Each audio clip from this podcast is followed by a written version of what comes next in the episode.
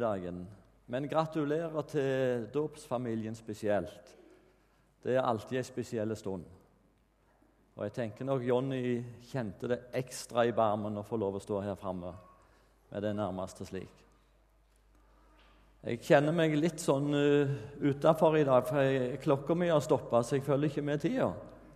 Men da er det jo god unnskyldning hvis det dryger og dryger. Jeg har bodd bort på Jæren bl.a. litt tidligere. Og Der var det en som var og talte i møteveka. Og så var det en del eh, gutter og jenter som satt på første stolrekka kveld etter kveld. Og de syntes nok han talte lenge en del ganger.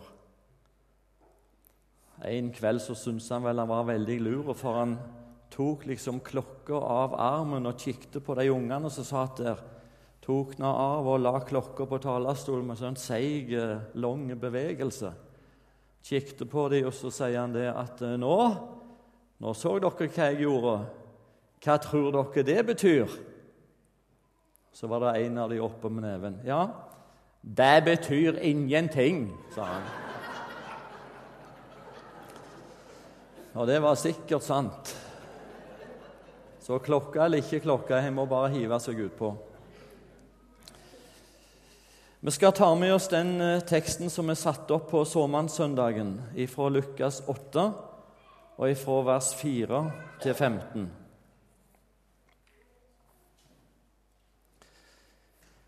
Da det nå strømmet mye folk sammen, og de drog ut til ham fra landsbyene, sa han i en lignelse. En såmann gikk ut for å så sitt såkorn. Og da han sådde, falt noe ved veien. Det ble tråkket ned, og himmelens fugler åt det opp. Noe falt på steingrunn, og da det vokste opp, visnet det fordi det ikke hadde hvete. Noe falt midt iblant tårner, og tårnene vokste opp sammen med det og kvalte det. Men noe falt i god jord det vokste opp og bar frukt hundrefold. Da han hadde sagt dette, ropte han ut. Den som har ører å høre med, han hører. Men hans disipler spurte ham hva denne lignelsen skulle bety. Han sa da, Dere er det gitt å kjenne Guds rikes hemmeligheter, men til de andre gis det i lignelser for at de skal se og ikke skjelne, og høre og ikke forstå.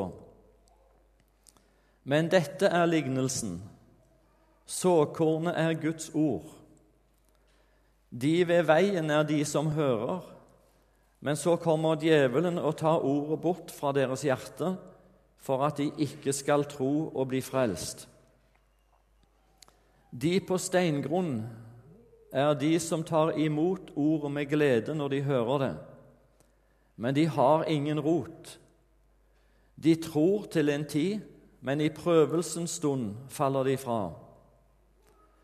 Det som falt blant tårner, er de som hører, og mens de vandrer fram, kveles de av bekymringer og rikdom og livets lyst, så de ikke bærer fullmoden frukt.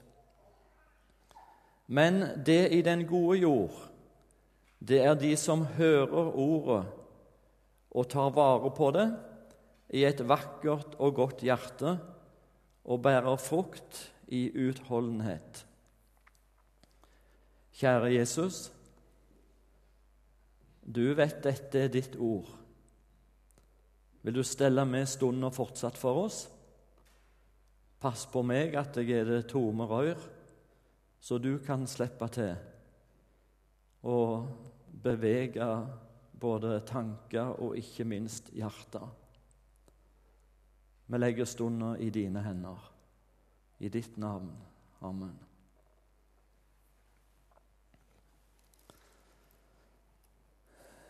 Én ting er sikkert. På åkeren til bonden blir det ingen grøa hvis det ikke blir sådd. Det må såes. Noe annet som er sikkert Skal det bli grøa i Guds rike, må det bli sådd Guds ord. Ellers ingen vekst. Guds ord er virkelig levende og kraftig, skarpere enn noe tveegget sverd. Det trenger gjennom. Merk at Guds ord er tveegga. Kjenner du til et tveegga sverd? Det vil da si det er like skarpt på begge sidene. Du kan slå den retningen med sverdet, men du kan også slå motsatt retning. Slik er Guds ord. Guds ord slår inn og viser et menneske du holder ikke mål. Men det slår også motsatt vei og viser når ikke du holder mål, så er det én som har holdt mål. Du trenger Jesus. Slik virka Guds ord. Alltid. Til dagens tekst. Når han sådde, falt for det ene noe ved veien. Jesus går rett på og sier det slik. Det er da meint de som hører Guds ord. Men djevelen tar bort ordet fra deres hjerte, så de ikke skal tro og bli frelst. Av alt Guds ord som er blitt forkynt, i Norge og utover våre landegrenser, så er det mennesker som har hørt. Men de hører ikke likevel. Og også i vårt land, der vi har hørt Guds ord i generasjon på generasjon, er det mange av disse som Guds ord ikke har fått den betydning for som det burde? I Hebreerne 4 og vers 2 leser vi at det var det glade budskap som ble forkynt for noen. Men ordet som de hørte, ble til ingen nytte for dem fordi det ikke ved troen var smeltet sammen med dem som hørte det. Dere kjenner sikkert til det her i Salem òg. En og annen stikker innom ved forskjellige anledninger og hører.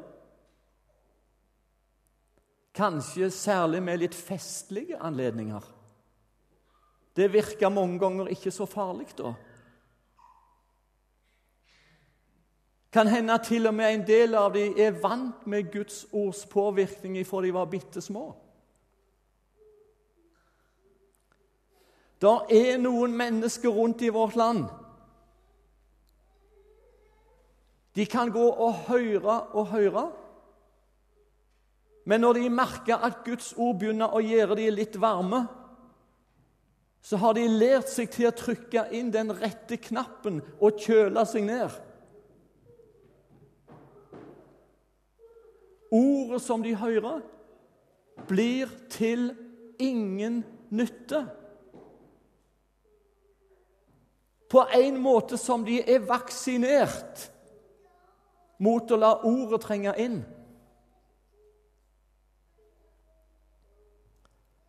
Vi ser det i møteseriene våre. Noen begynner å gå og høre. Så kom det til et punkt der det kunne virke litt for varmt. Rett før noe skulle bryte igjennom i disse menneskene sitt liv, så trykte de inn knappen, kjølte seg ned og var borte.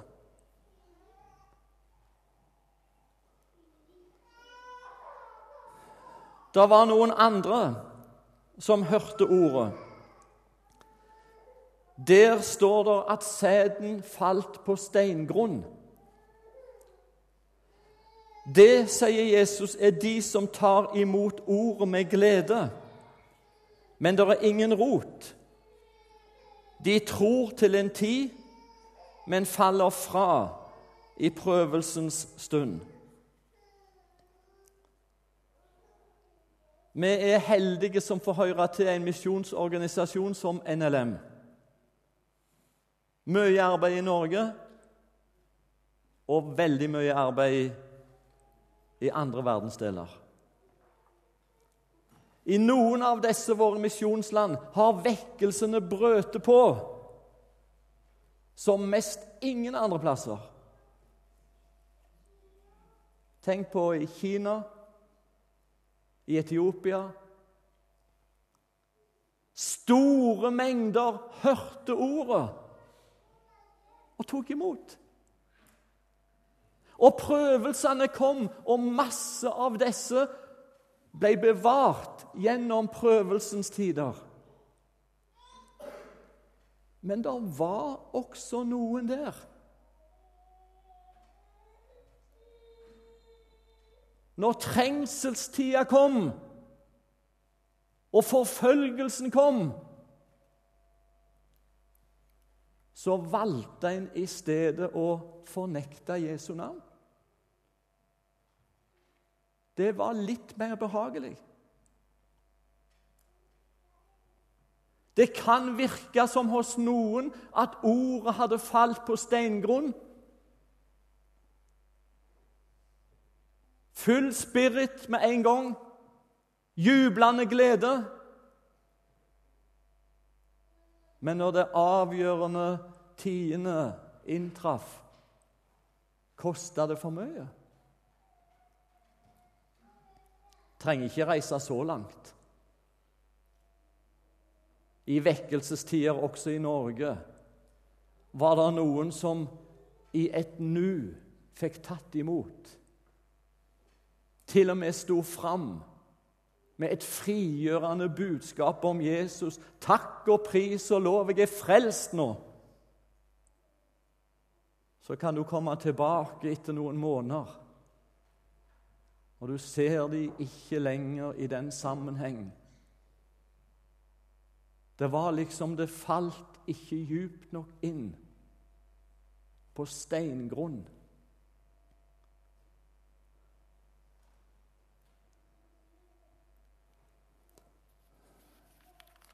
Til den tredje sorten. Det var også noe når det ble sådd som falt blant tårner. Jesus forklarer det. Det er noen som hører, og mens de vandrer fram, kveles de av Og merk hva det står. De kveles av Én bekymringer. To rikdom. Tre livets lyst. Tenk at bekymringer kan kvele et gudsliv.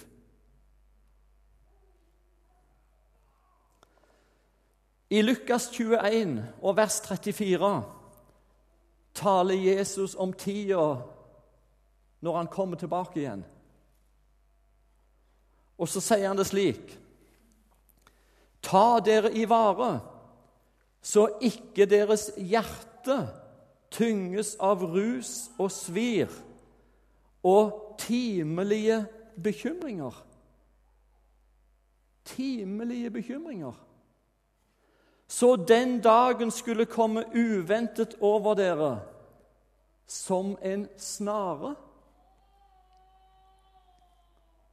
I Filipperne 4, vers 6 leser vi Vær ikke bekymret for noe, men la i alle ting deres bønneemner komme fram for Gud, i påkallelse og bønn med takk.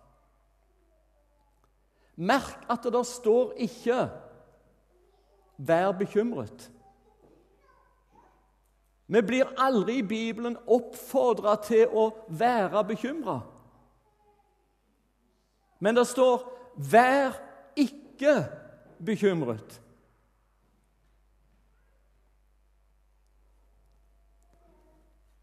La meg si det så ingen misforstår.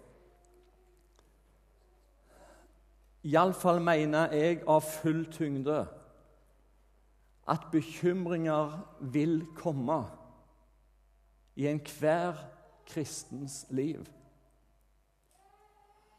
Og det er noen røster i dag som påstår at en kristen aldri skal ha noe vondt.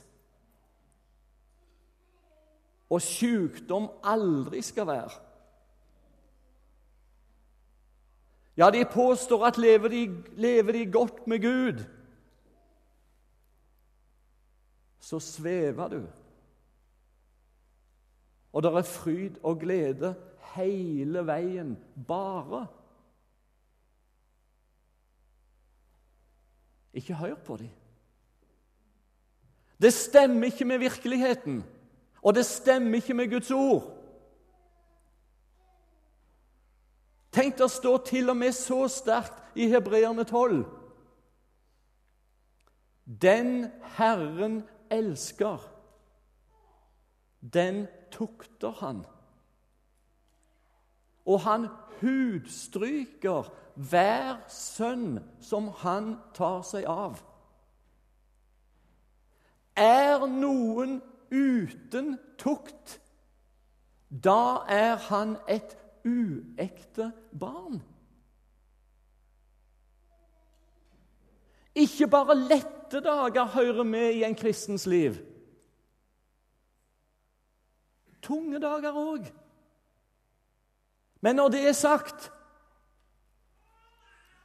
Vi blir aldri oppfordra til å bare være bekymra. Og i teksten i dag er det tydelig at et gudsliv kan bli kvalt av bekymringer. Jeg har merka det sjøl. Det er ting som står på hjemme. Ja. Ikke alltid alt glir på skinner. Verken i ens eget liv eller i barna sitt liv. Det er vel ikke mer så bekymra foreldre enn akkurat hvis det er noe med ungene som skjærer seg.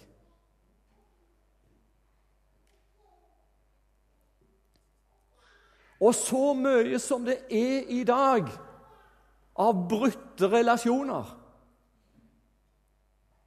Der de som er midt inni det, sikkert bekymrer seg mest. Men hvordan det får ringvirkninger til foreldre, til søsken, til barn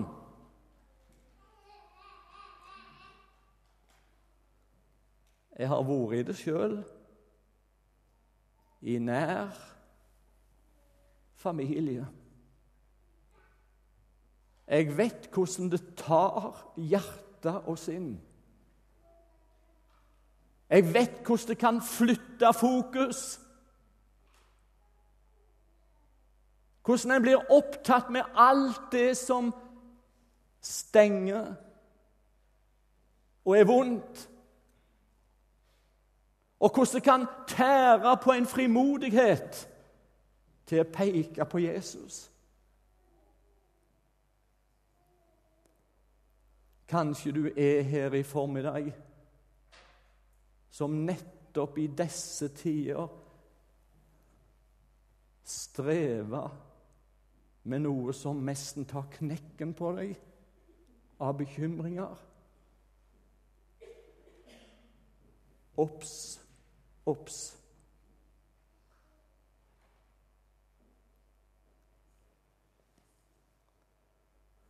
Vær oppmerksom. Jesus er der og venter på at du kan få komme og tale ut.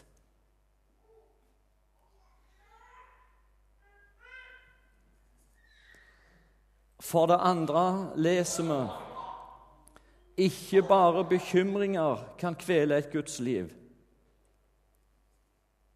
men rikdom, sto der.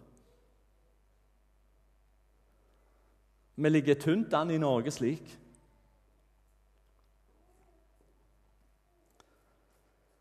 Når Bibelen taler om mennesket som det gikk galt med, tas det ofte eksempler om rike mennesker. Rike på materielle goder. Tenk på den rike bonden i Lukas 12. Han gjorde det jo så godt som bonde, og det er virkelig til å sette pris på. Heller det enn folk som ikke gjør det de skulle gjøre. Men eh, når han hadde fått bygd ut og skulle kose seg med den materielle rikdommen Det kan synes som det ble liv, og det tok hjertet hans så får han høre I denne natt kreves din sjel av deg.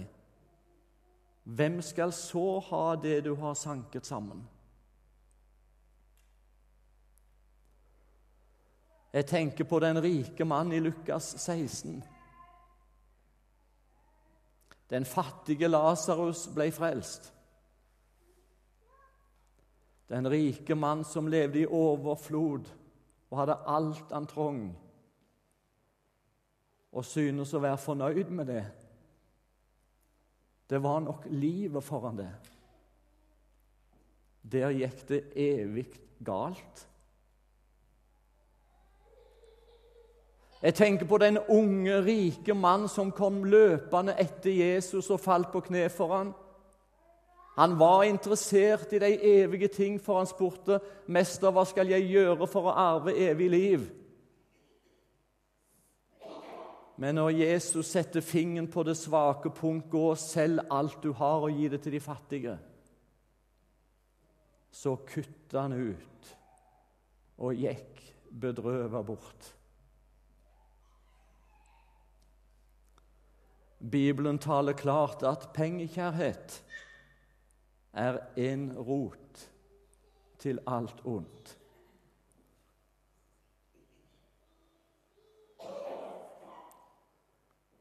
Det tar hjertet. Jeg er samtidig så glad for å få vitne og si jeg kjenner mange som har flere gode bankkonti og mye materiell rikdom som bruker det til Guds rikes velsignelse. Og hadde ikke de hatt så mye å rutte med, så hadde det heller ikke falt så mye på Guds rike. Slik skulle det være.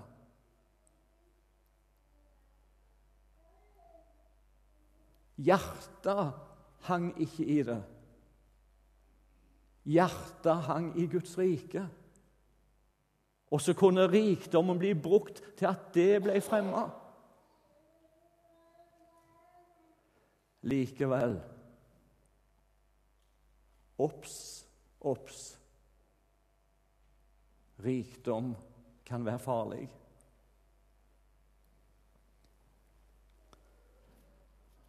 For det tredje livets lyst kunne kvele gudslivet. Paulus sier det slik Demas forlot meg fordi han fikk kjærlighet til den nærværende verden. Det står egentlig ikke at han forlot Jesus, men han forlot Paulus. Men det var likevel noe som ble viktigere enn å være med på reiser rundt og vitne om Jesus.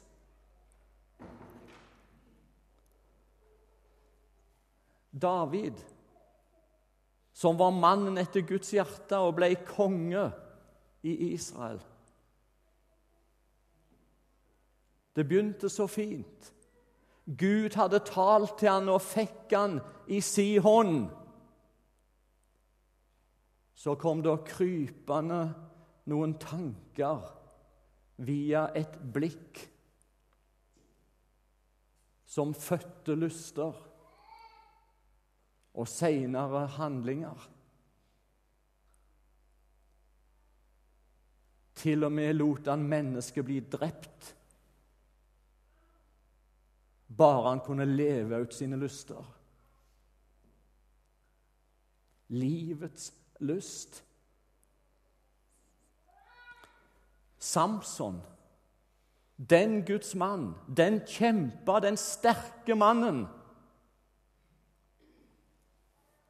Gud hadde avtalt så lenge du ikke røper at styrken din ligger i håret, så skal du fortsette å være sterk i mitt rike.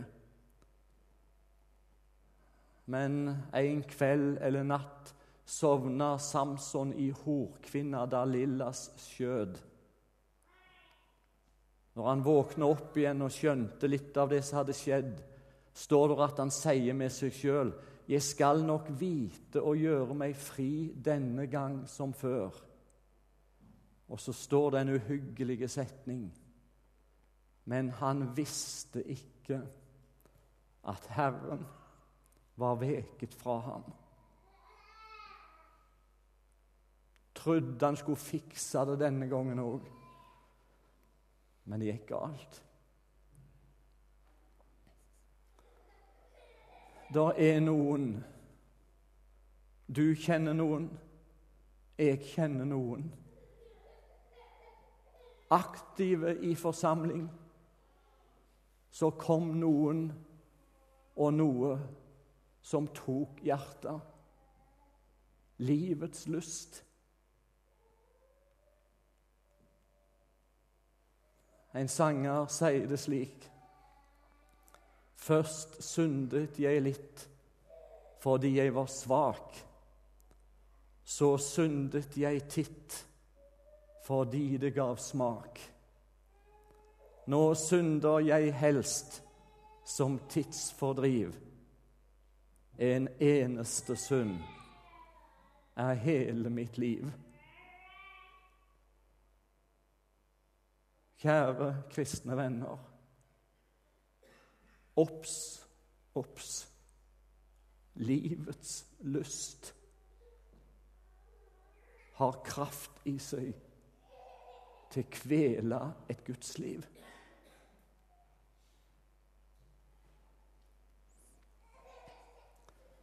Men det fjerde og siste Av alt som ble sådd ut, var det noe som falt i god jord. Jesus forklarer det slik. Det er den som hører ordet og tar vare på det i et vakkert og godt hjerte og bærer frukt i utholdenhet. tar vare på det. I Åpenbaringen 3 og vers 8 står det Se, jeg har satt foran deg en åpnet dør, og ingen kan lukke den igjen. For du har liten styrke og har holdt fast på mitt ord. Har holdt fast på mitt ord og ikke fornektet mitt navn. Den flokken hadde liten styrke. Så litt innkjevetta ut på utsida. Men det var ei åpna dør over de likevel. Hvorfor? De hadde holdt fast på hans ord, blant annet.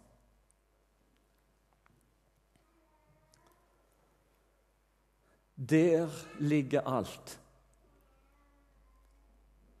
Salmisten som skrev ned Salme 102, var aktiv i gudstjenestelivet. Men en dag oppdaga han noe som forferder han. Og så sier han det slik Mitt hjerte er som solsvidd og visnet gress. Han oppdaga at midt i aktiviteten han var med på, var hans hjerte som solsvidd og visnet gress. Ser du for deg en varm sommerdag? Gresset ligger på bakken og tørker inn. Gult. Livløst. Slik oppdaga salmisten at hans hjerte var blitt. Hvorfor var det blitt slik? Jo, han visste svaret, og det kom i fortsettelsen i setningen. For jeg har glemt å ete mitt brød. Ordet fikk ikke plass lenger.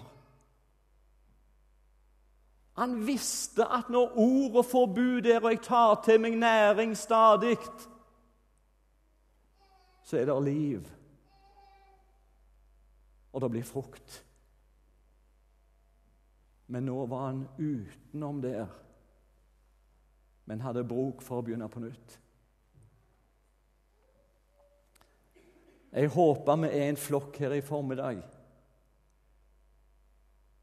som tar slik vare på ordet om Jesus. Vi bor i ordet, så ordet bor i oss. Så blir det frukt. Vi når fram. Og det blir noe som tyter fram til de andre vi treffer òg. I overflod.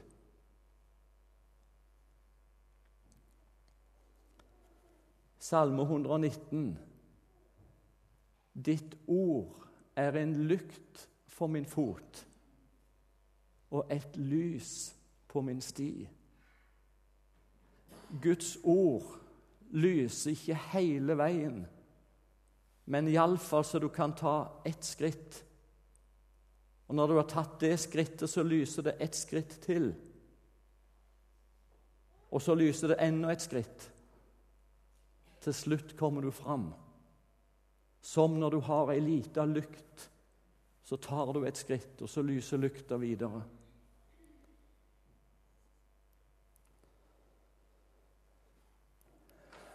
Til slutt I denne fine flokken i formiddag er sannsynligheten stor for at du kan finne alle fire kategoriene. Du kan være her som har hørt, men det preller rett av. Du kan være her som husker du ble glad. Du fikk tak i noe ifra Guds ord. Men så ble det med det. Og merk at det i den sammenheng er brukt uttrykket 'faller fra'. Bibelen taler om en kan falle fra. Og du er nok kanskje òg her som har merke noe kommer inn og vil kvele det. Bekymringer, rikdom, livets lyst. Og så tror jeg du er her som fortsatt lever både godt og rett med Jesus. For all den ting du visste, kan du ei din Jesus miste. Du som er der, fortsett slik. Du som av en eller annen grunn er kommet bort.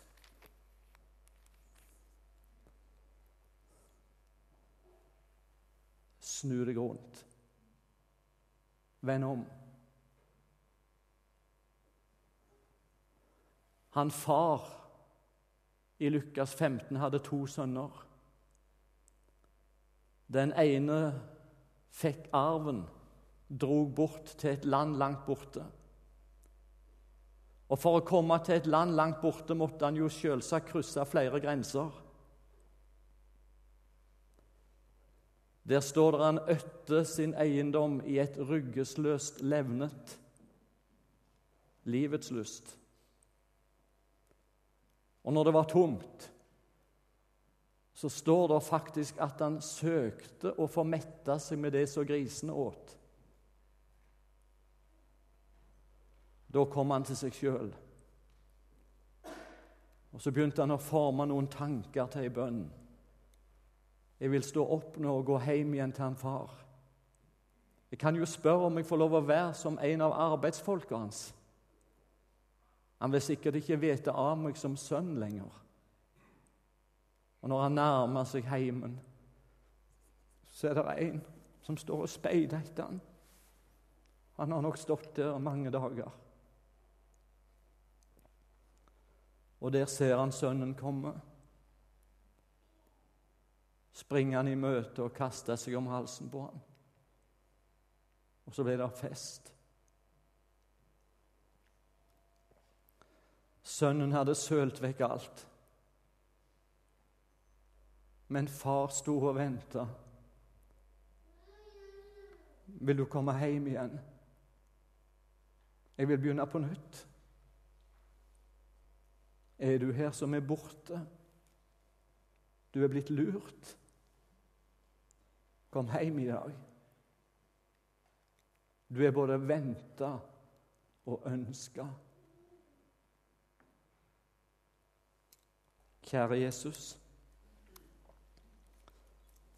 Takk at du er òg som den gode hyrde, som går og leiter inntil du finner. Vil du stelle med oss, så vi når hjem og kunne få mange med oss? Velsigna Salem og alt som drives her. Velsigna fortsatt dåpsfamilien, ikke minst. Og Så ser du hvem vi ber for, og hvem som ligger oss på hjertet. Om du kunne sende vekkelse og fornyelse iblant oss. Æren er din i ditt navn. Amen. Vi har tre møteveker på Rennesøya bru nå for tida. Vi har siste møte i kveld klokka halv åtte. Så har jeg jo vært så heldig å få lov å synge sammen med en sånn ungdom som dette her. Så da blir vi to ungdommer som synger sammen. Og for ikke snakke om hun som har lovt å spille piano. Kan jeg bruke den, eller skal jeg ta en annen mikrofon? Helst Kan jeg ta den? Bare justere den ned.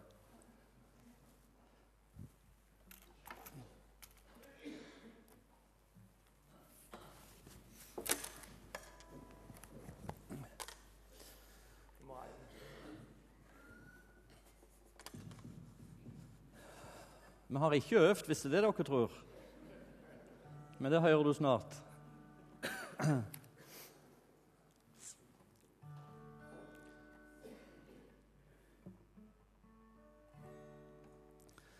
Dan du meg, Herre, helt ved din ånd, for meg som leire mesterhånd. Ta meg og dann meg slik som du ser. Gagner min sjel og saken din mer. Dan du meg, Herre, behag. Kom, Mester, kom og prøv meg i dag. Hvit slik som sneen renser du meg,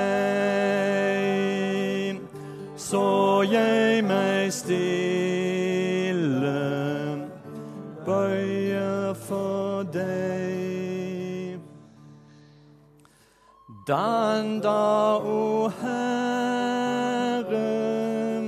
skrøpelig lem, ydmyk og villig, Herre, jeg ber. Makten alene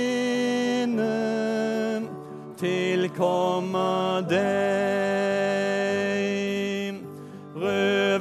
Meg, leg meg, før meg din vei. Takk, store mester, du er meg nær. Over mitt liv du herskeren Meg fra alt som før var så delt. La verden se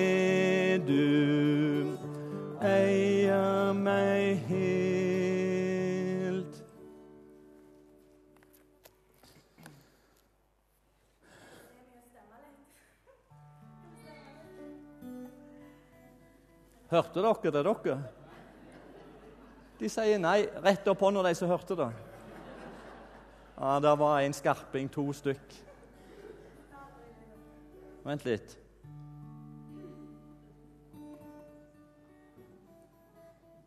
Gi meg en E.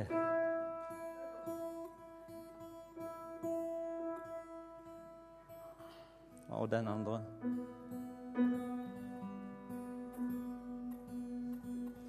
Bare syng en sang imens.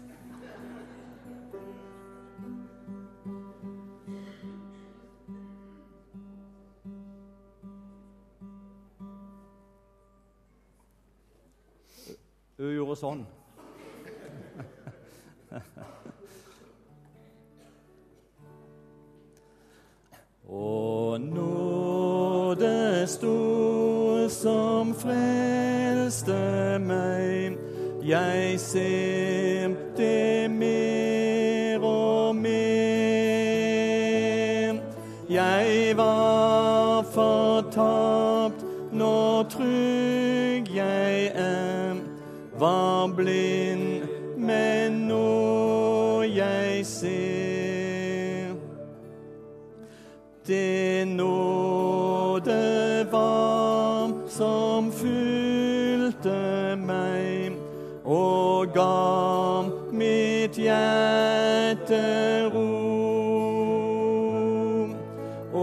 Jeg av nåde frelsen fikk da jeg den grep i tro.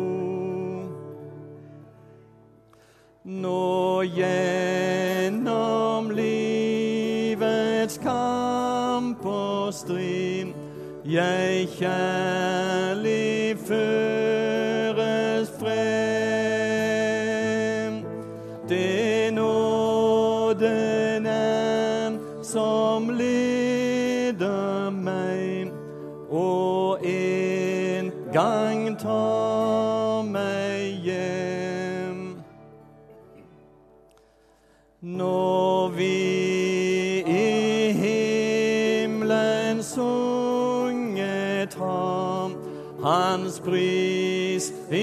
tusen år, da er vår jubel like stor, den aldri ende får.